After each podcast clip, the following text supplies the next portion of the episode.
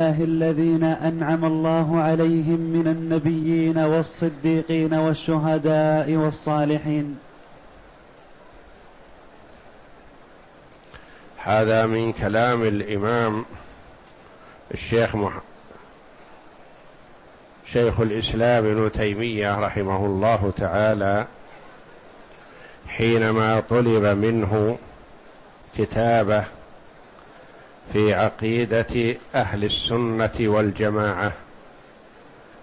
طلبها أحد قضاة واسط. فقال اكتب لي العقيدة الصحيحة التي أعتقدها وأعلم بها من ورائي. فكتب له شيخ الإسلام رحمه الله هذه النبذة المباركة وذكر أن أهل السنة والجماعة متقيدون بالكتاب والسنة وأنهم لا يخرجون عما جاء في كتاب الله أو سنة رسوله صلى الله عليه وسلم. فلذا قال رحمه الله فلا عدول لأهل السنة والجماعة عما جاء به المرسلون. فلا عدول يعني لا يعدلون ولا يميلون وإنما يأخذون ما جاءت به الرسل. قد يقول قائل لما جمع الرسل. قال عما جاء به المرسلون. ولم يقل عما جاء به محمد صلى الله عليه وسلم. نقول ما جاء به محمد صلى الله عليه وسلم هو ما جاء به المرسلون. لأن المرسلين صلوات الله وسلامه عليهم طريقتهم واحدة في العقيدة ما يختلفون. وإنما الاختلاف في الفروع. اتفاقهم على عبادة الله وحده. هذا متفقون عليه. ولم يأتي أحد منهم بإباحة شيء من الشرك. متفقون على إثبات صفات الباري جل وعلا.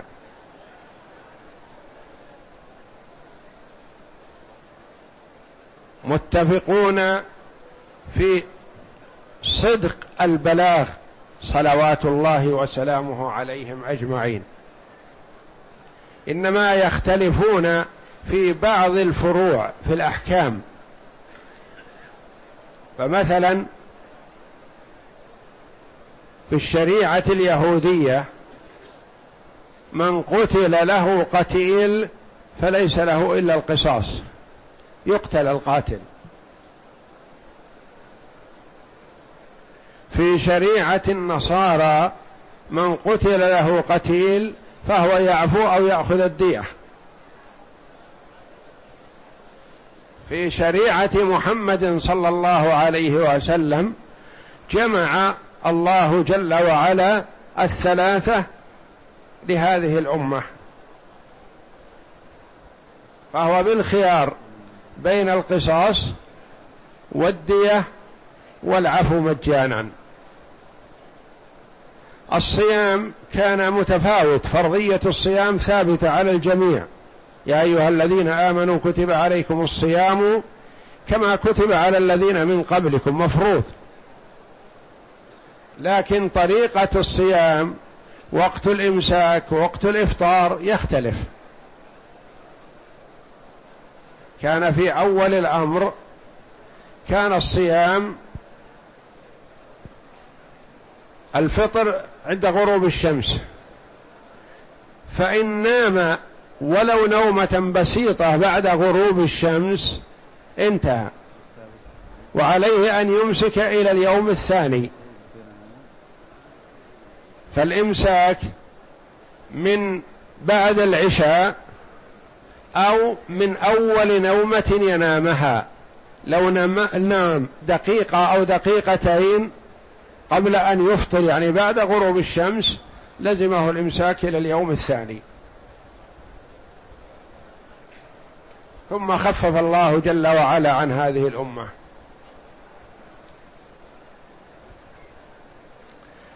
ولذا لما كانت دعوة الرسل واحدة وأخبارهم عن الله جل وعلا واحدة قال المؤلف رحمه الله فلا عدول لأهل السنة والجماعة عما جاء به المرسلون.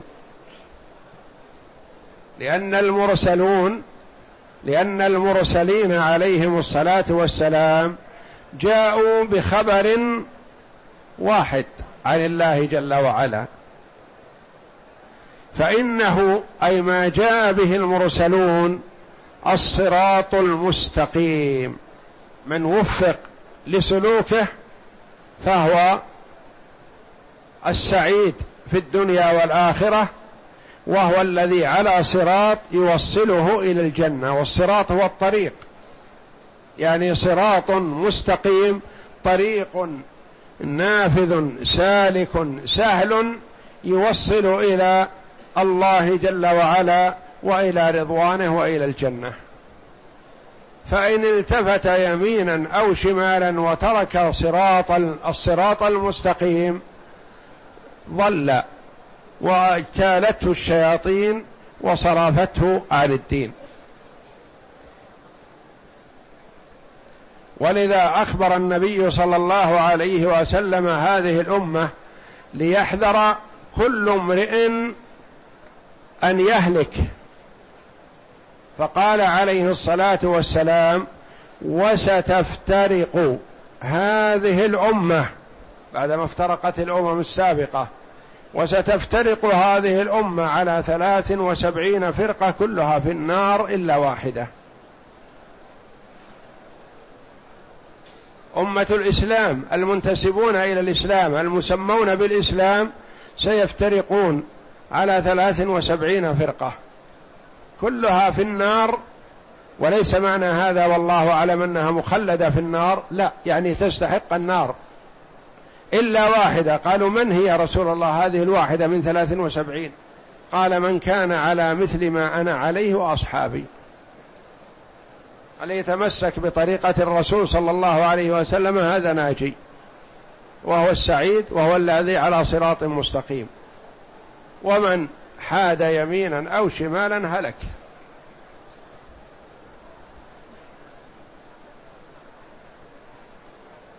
فهنا الآن فرق كثيرة ضالة والعياذ بالله.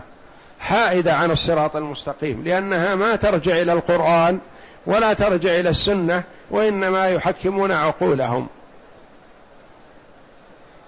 ويرجعون إلى أفكارهم وأقوالهم وأقوال أسيادهم وأشياخهم. وهم مسلمون يسمون باسم الإسلام يصلون ويصومون.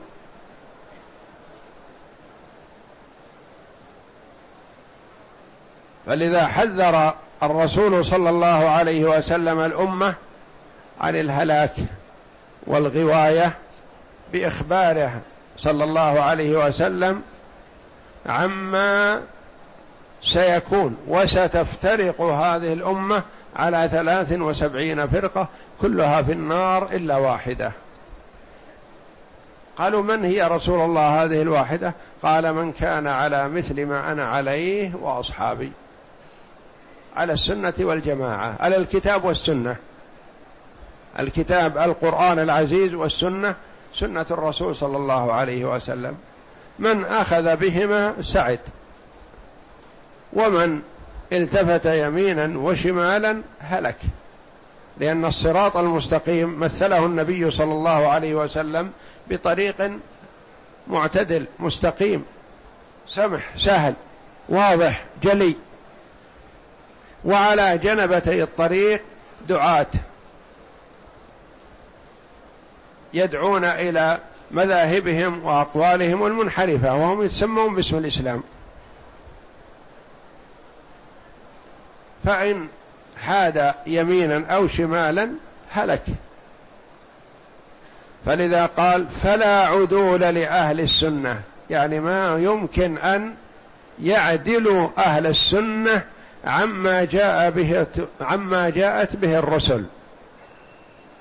فإنه الصراط المستقيم. هو الصراط المستقيم الطريق الواضح الجلي الموصل إلى الجنة. ما هو هذا الصراط المستقيم؟ قال صراط الذين أنعم الله عليهم. الصراط المستقيم صراط الذين أنعم الله عليهم من النبيين والصديقين والشهداء والصالحين. وحسن أولئك رفيقا.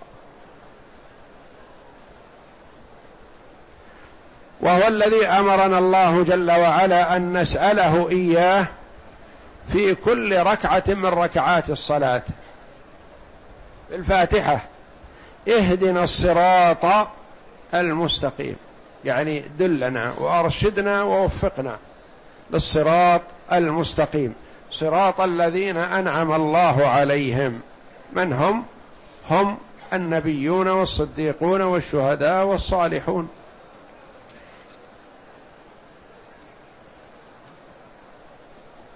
فهو رحمه الله في هذه المقدمة يبين أنه يجب على الإنسان أن يأخذ بمذهب أهل السنة والجماعة الذي هو صراط الذين أنعم الله عليهم. الذي هنا هم النبيون والصديقون والشهداء والصالحون. ويترك ما سوى ذلك. فهو في المقدمة يرغب في هذا الطريق ثم إنه يوضحه. ما هو الطريق؟ ويوضح ما يخالفه. رحمه الله.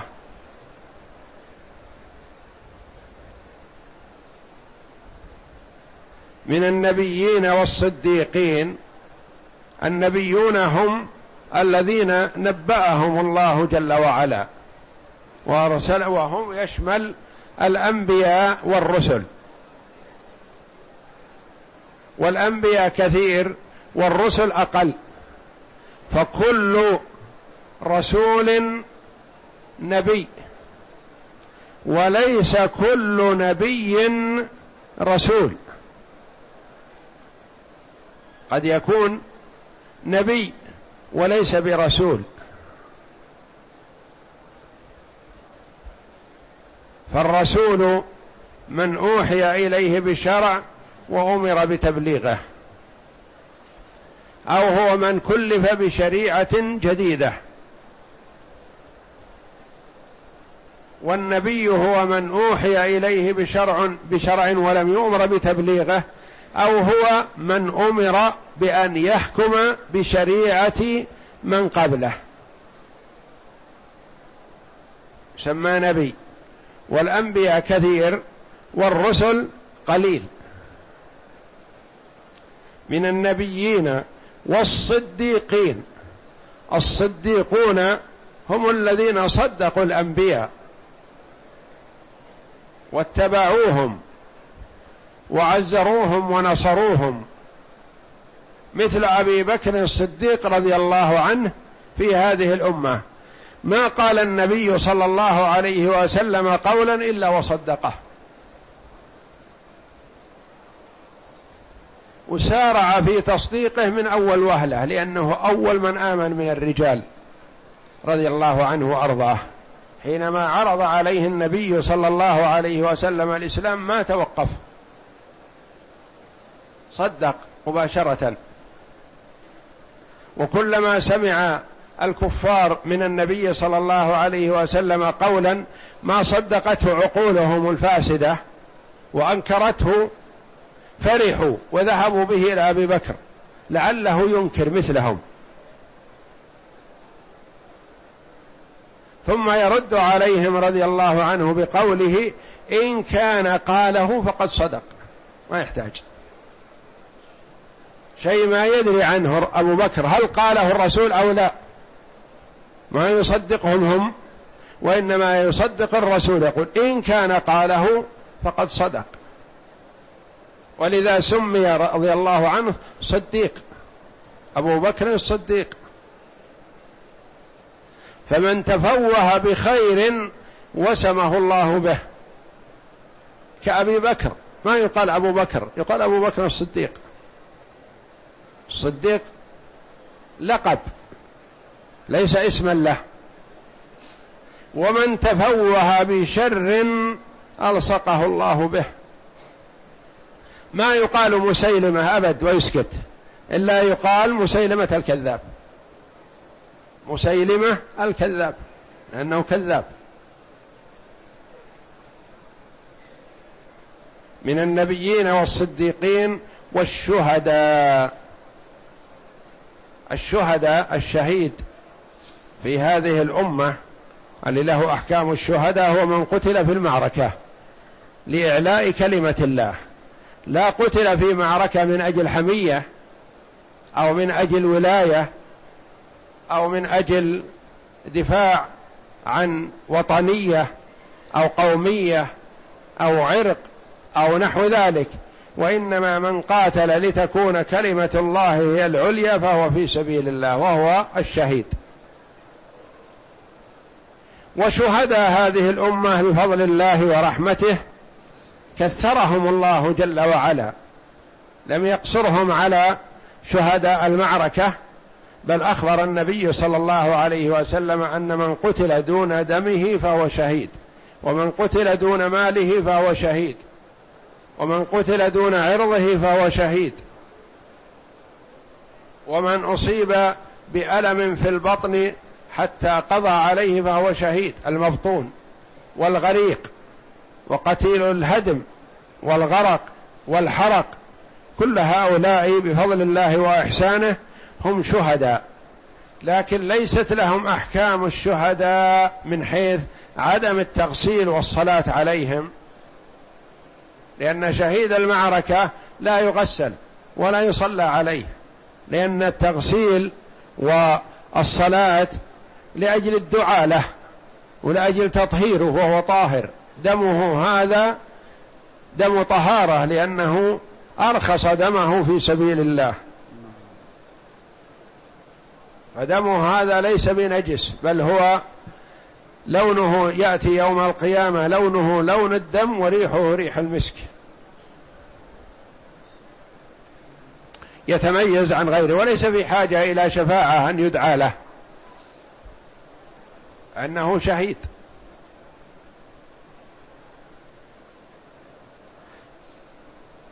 والصالحون هم الأتقياء الذين صلحت نياتهم وأعمالهم لله جل وعلا. وقد ينال المرء في صلاحه وتقواه واستقامته ودعوته إلى الله جل وعلا وعمله الصالحات وإعانته لإخوانه ومساعدته ونفعه العام قد ينال منزلة الشهداء والصديقين والصالحين لأن فضل الله عظيم. فينال المنزلة العالية بما يضمر في قلبه من الإيمان بالله جل وعلا ومحبته لانتصار الإسلام والمسلمين ومحبته لخذلان الكفار وموالاته للمسلمين والعطف عليهم وإعانتهم بحسب استطاعته ووقوفه في وجه الكفار وبغضه لهم. كل هذا من الولاء والبراء الذي يجب أن يتصف به المسلم. يوالي من أحب الله ويبغض من أبغض الله.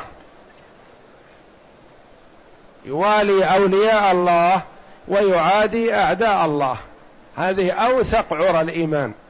أوثق عرى الإيمان الحب في الله والبغض في الله. إيش معنى الحب في الله؟ أن تحب المرء من أجل طاعته لله. من أجل الله جل وعلا. وإن لم ينفعك بشيء. وأن تبغض المرء لأنه عاص فاسق فاجر مؤذ للناس وإن لم يضرك أنت بشيء. فيستشعر المؤمن محبة المؤمنين لله تعالى. مثل مثلا محبتك لصحابة رسول الله صلى الله عليه وسلم. هذا من الحب في الله. تحب أبا بكر الصديق تحب عمر تحب عثمان تحب علي تحب سائر الصحابة لأنهم ناصروا الرسول صلى الله عليه وسلم. فأنت أحببتهم في الله وإلا ما عرفتهم ولا رأيتهم. وأبغضت المنافقين والفجار والكفار وإن لم ترهم. ولم ينلك منهم سوء لأنهم عادوا رسول الله صلى الله عليه وسلم وعادوا المؤمنين وآذوهم وتسلطوا عليهم. فهذا من الحب في الله والبغض في الله. محبة الصحابة رضي الله عنهم من الحب في الله.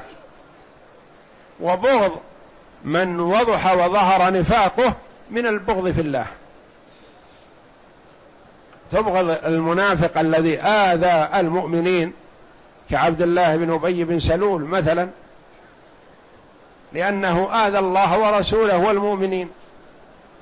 وتحب ابنه عبد الله بن عبد الله بن أبي بن سلول لأنه ناصر الرسول صلى الله عليه وسلم.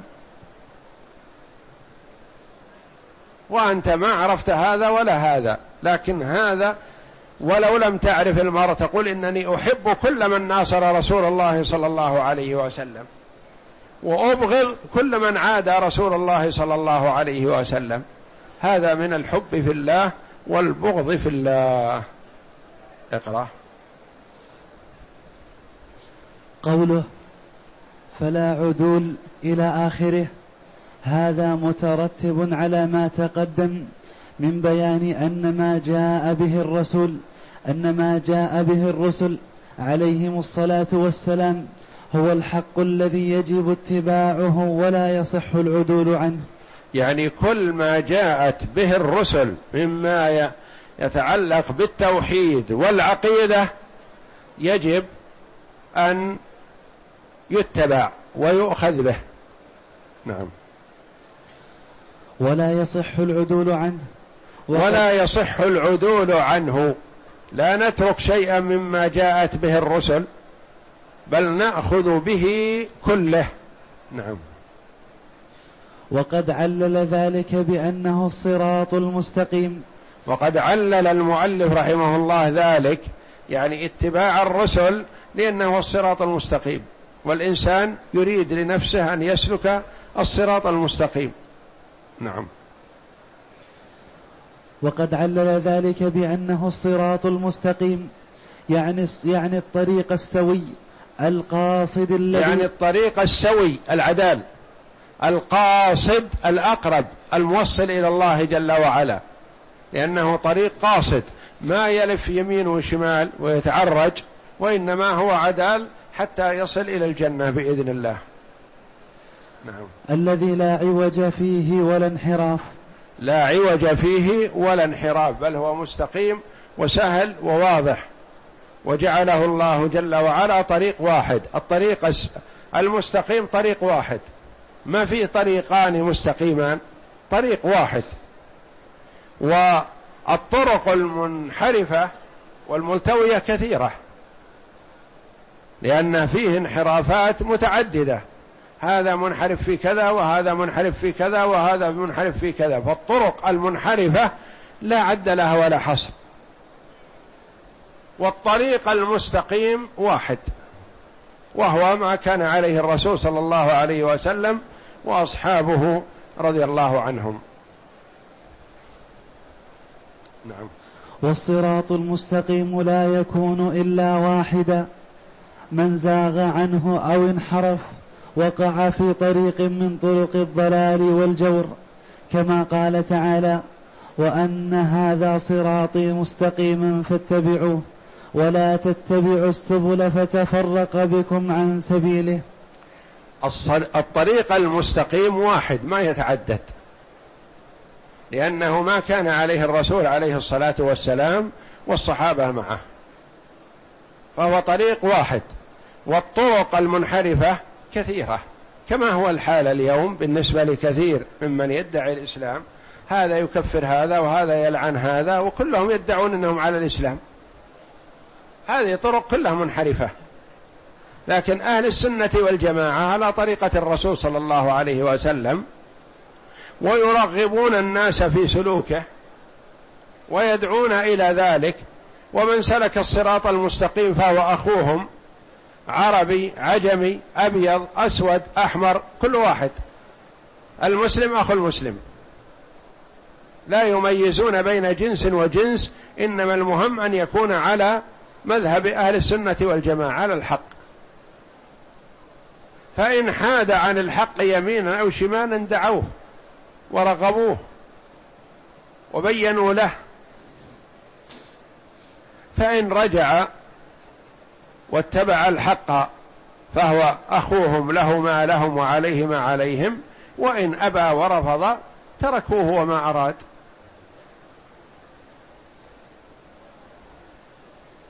فالطريق المستقيم واحد وهو طريق الرسول عليه الصلاة والسلام. ولهذا سماه الله جل وعلا صراط واحد. وأن هذا صراطي مستقيما فاتبعوه. ولا تتبعوا السبل. السبل جمع سبيل يعني سبل كثيرة. طوائف الضلال وأهل البدع والخرافات وغيرها كثير كثر. وكل يدعو إلى سبيله وطريقه فليسوا على طريقة واحدة. نعم. والصراط المستقيم هو طريق الأمة الوسط الواقع بين طرفي الإفراط والتفريط.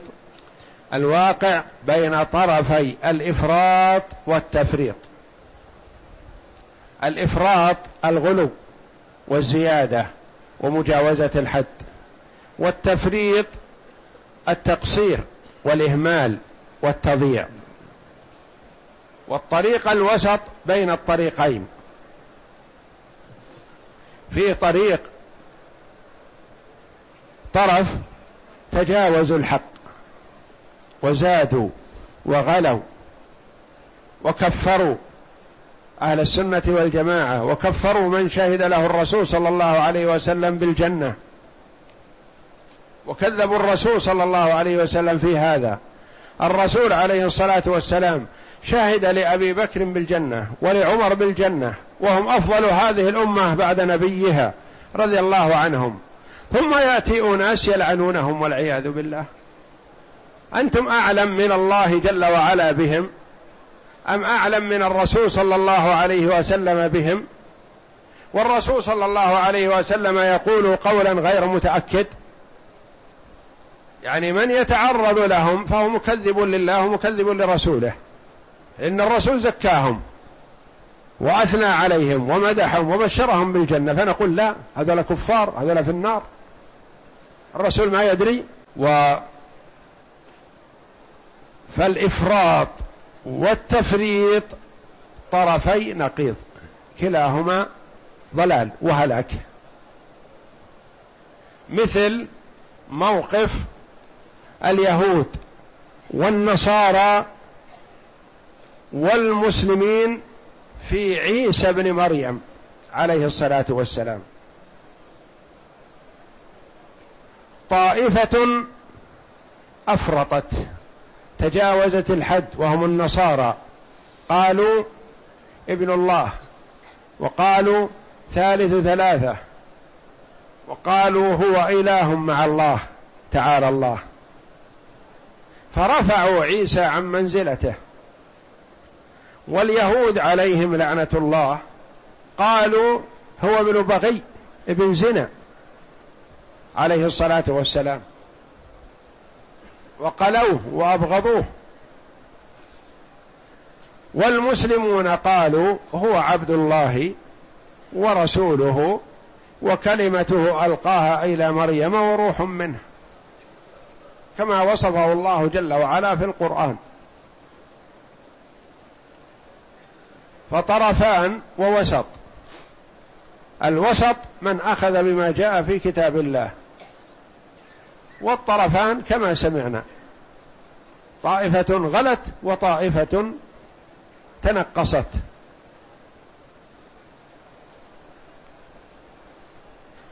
بين طرفي الإفراط مجاوزة الحد الزيادة. والتفريط الإهمال والتضييع. مثل ما يتسلط الإنسان يتسلط ابن آدم الشيطان على ابن آدم عند الصلاة. الناس في جانب الصلاة طرفان ووسط.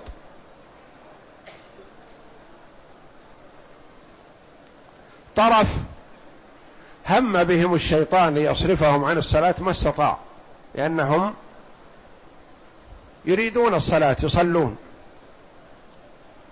فحاول أن يخرجهم عن الحد المستقيم. جعلهم يسابقون الإمام. فيخرج من صلاته بلا شيء.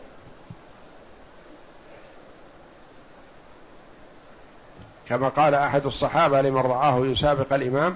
قال لا وحدك صليت ولا بإمامك اقتديت. يعني مالك صلاه فهو في جانب هؤلاء ما استطاع إنه يأثر عليهم ليتركوا الصلاة. وإنما استطاع أن يجعلهم يزيدون يتجاوزون فلا تكون لهم صلاة والعياذ بالله. وجعلهم يمقتون المسلمين ويبغضونهم ويتهمونهم الاتهامات السيئة. جانب آخر تلاعب بهم وجعلهم ينامون عن الصلاة ويتركون الصلاة. يصلي أحيانا ويترك أحيانا. يصلي في رمضان ويترك في غير رمضان. وهذا هالك والعياذ بالله. والأمة الوسط هم الذين يؤدون ما افترض الله عليهم على ضوء ما فرض الله جل وعلا. ما يخرجون عن الكتاب والسنة. يؤدون الصلاة كما أمر الله بوضوئها والطهارة والركوع والسجود والخشوع فيها والإقبال على الله جل وعلا ومتابعة الإمام وعلى ضوء ما شرعه رسول الله صلى الله عليه وسلم. فهم الوسط بين هؤلاء وبين هؤلاء. وهكذا الناس في أبواب كثيرة من أبواب الشرع طرفان ووسط. في موقف الناس من صحابة رسول الله صلى الله عليه وسلم أو من آل البيت آل بيت النبي صلى الله عليه وسلم طرفان ووسط.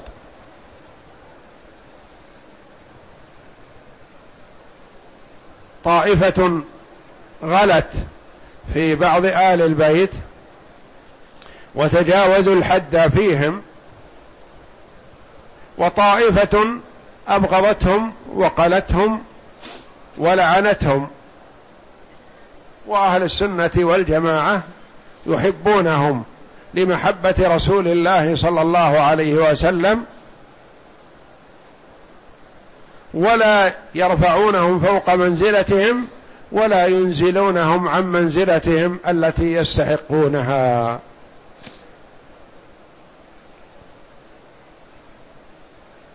نعم. ولهذا أمرنا الله عز وجل وعلمنا أن نسأله أن يهدي وعلمنا. وعلمنا أن نسأله أن يهدينا هذا الصراط المستقيم في كل ركعة من الصلاة. اهدنا الصراط المستقيم صراط الذين أنعمت عليهم. وبين جل وعلا صراط الذين أنعم الله عليهم من هم؟ من النبي ومن يطع الله والرسول فأولئك مع الذين أنعم الله عليهم. من النبيين والصديقين والشهداء والصالحين وحسن أولئك رفيقا. نعم الرفيق. إذا صار المرء مع هؤلاء الخيار فنعم الرفقاء. نعم.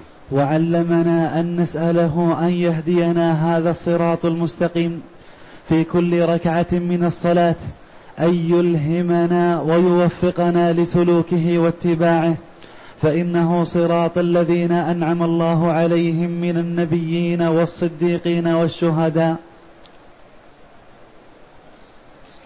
والصالحين. والصالحين وحسن أولئك رفيقا. وحسن أولئك رفيقا. فعلى المرء الذي يريد ويحرص على نجاة نفسه في الدنيا والآخرة وسعادتها أن يسلك طريق أهل السنة والجماعة بالأخذ بكتاب الله جل وعلا وسنة رسول الله صلى الله عليه وسلم ويعض عليها بالنواجذ ويجتنب جميع الطرق المنحرفة عن الصراط المستقيم. والله أعلم. وصلى الله وسلم وبارك على عبد ورسول نبينا محمد وعلى آله وصحبه أجمعين.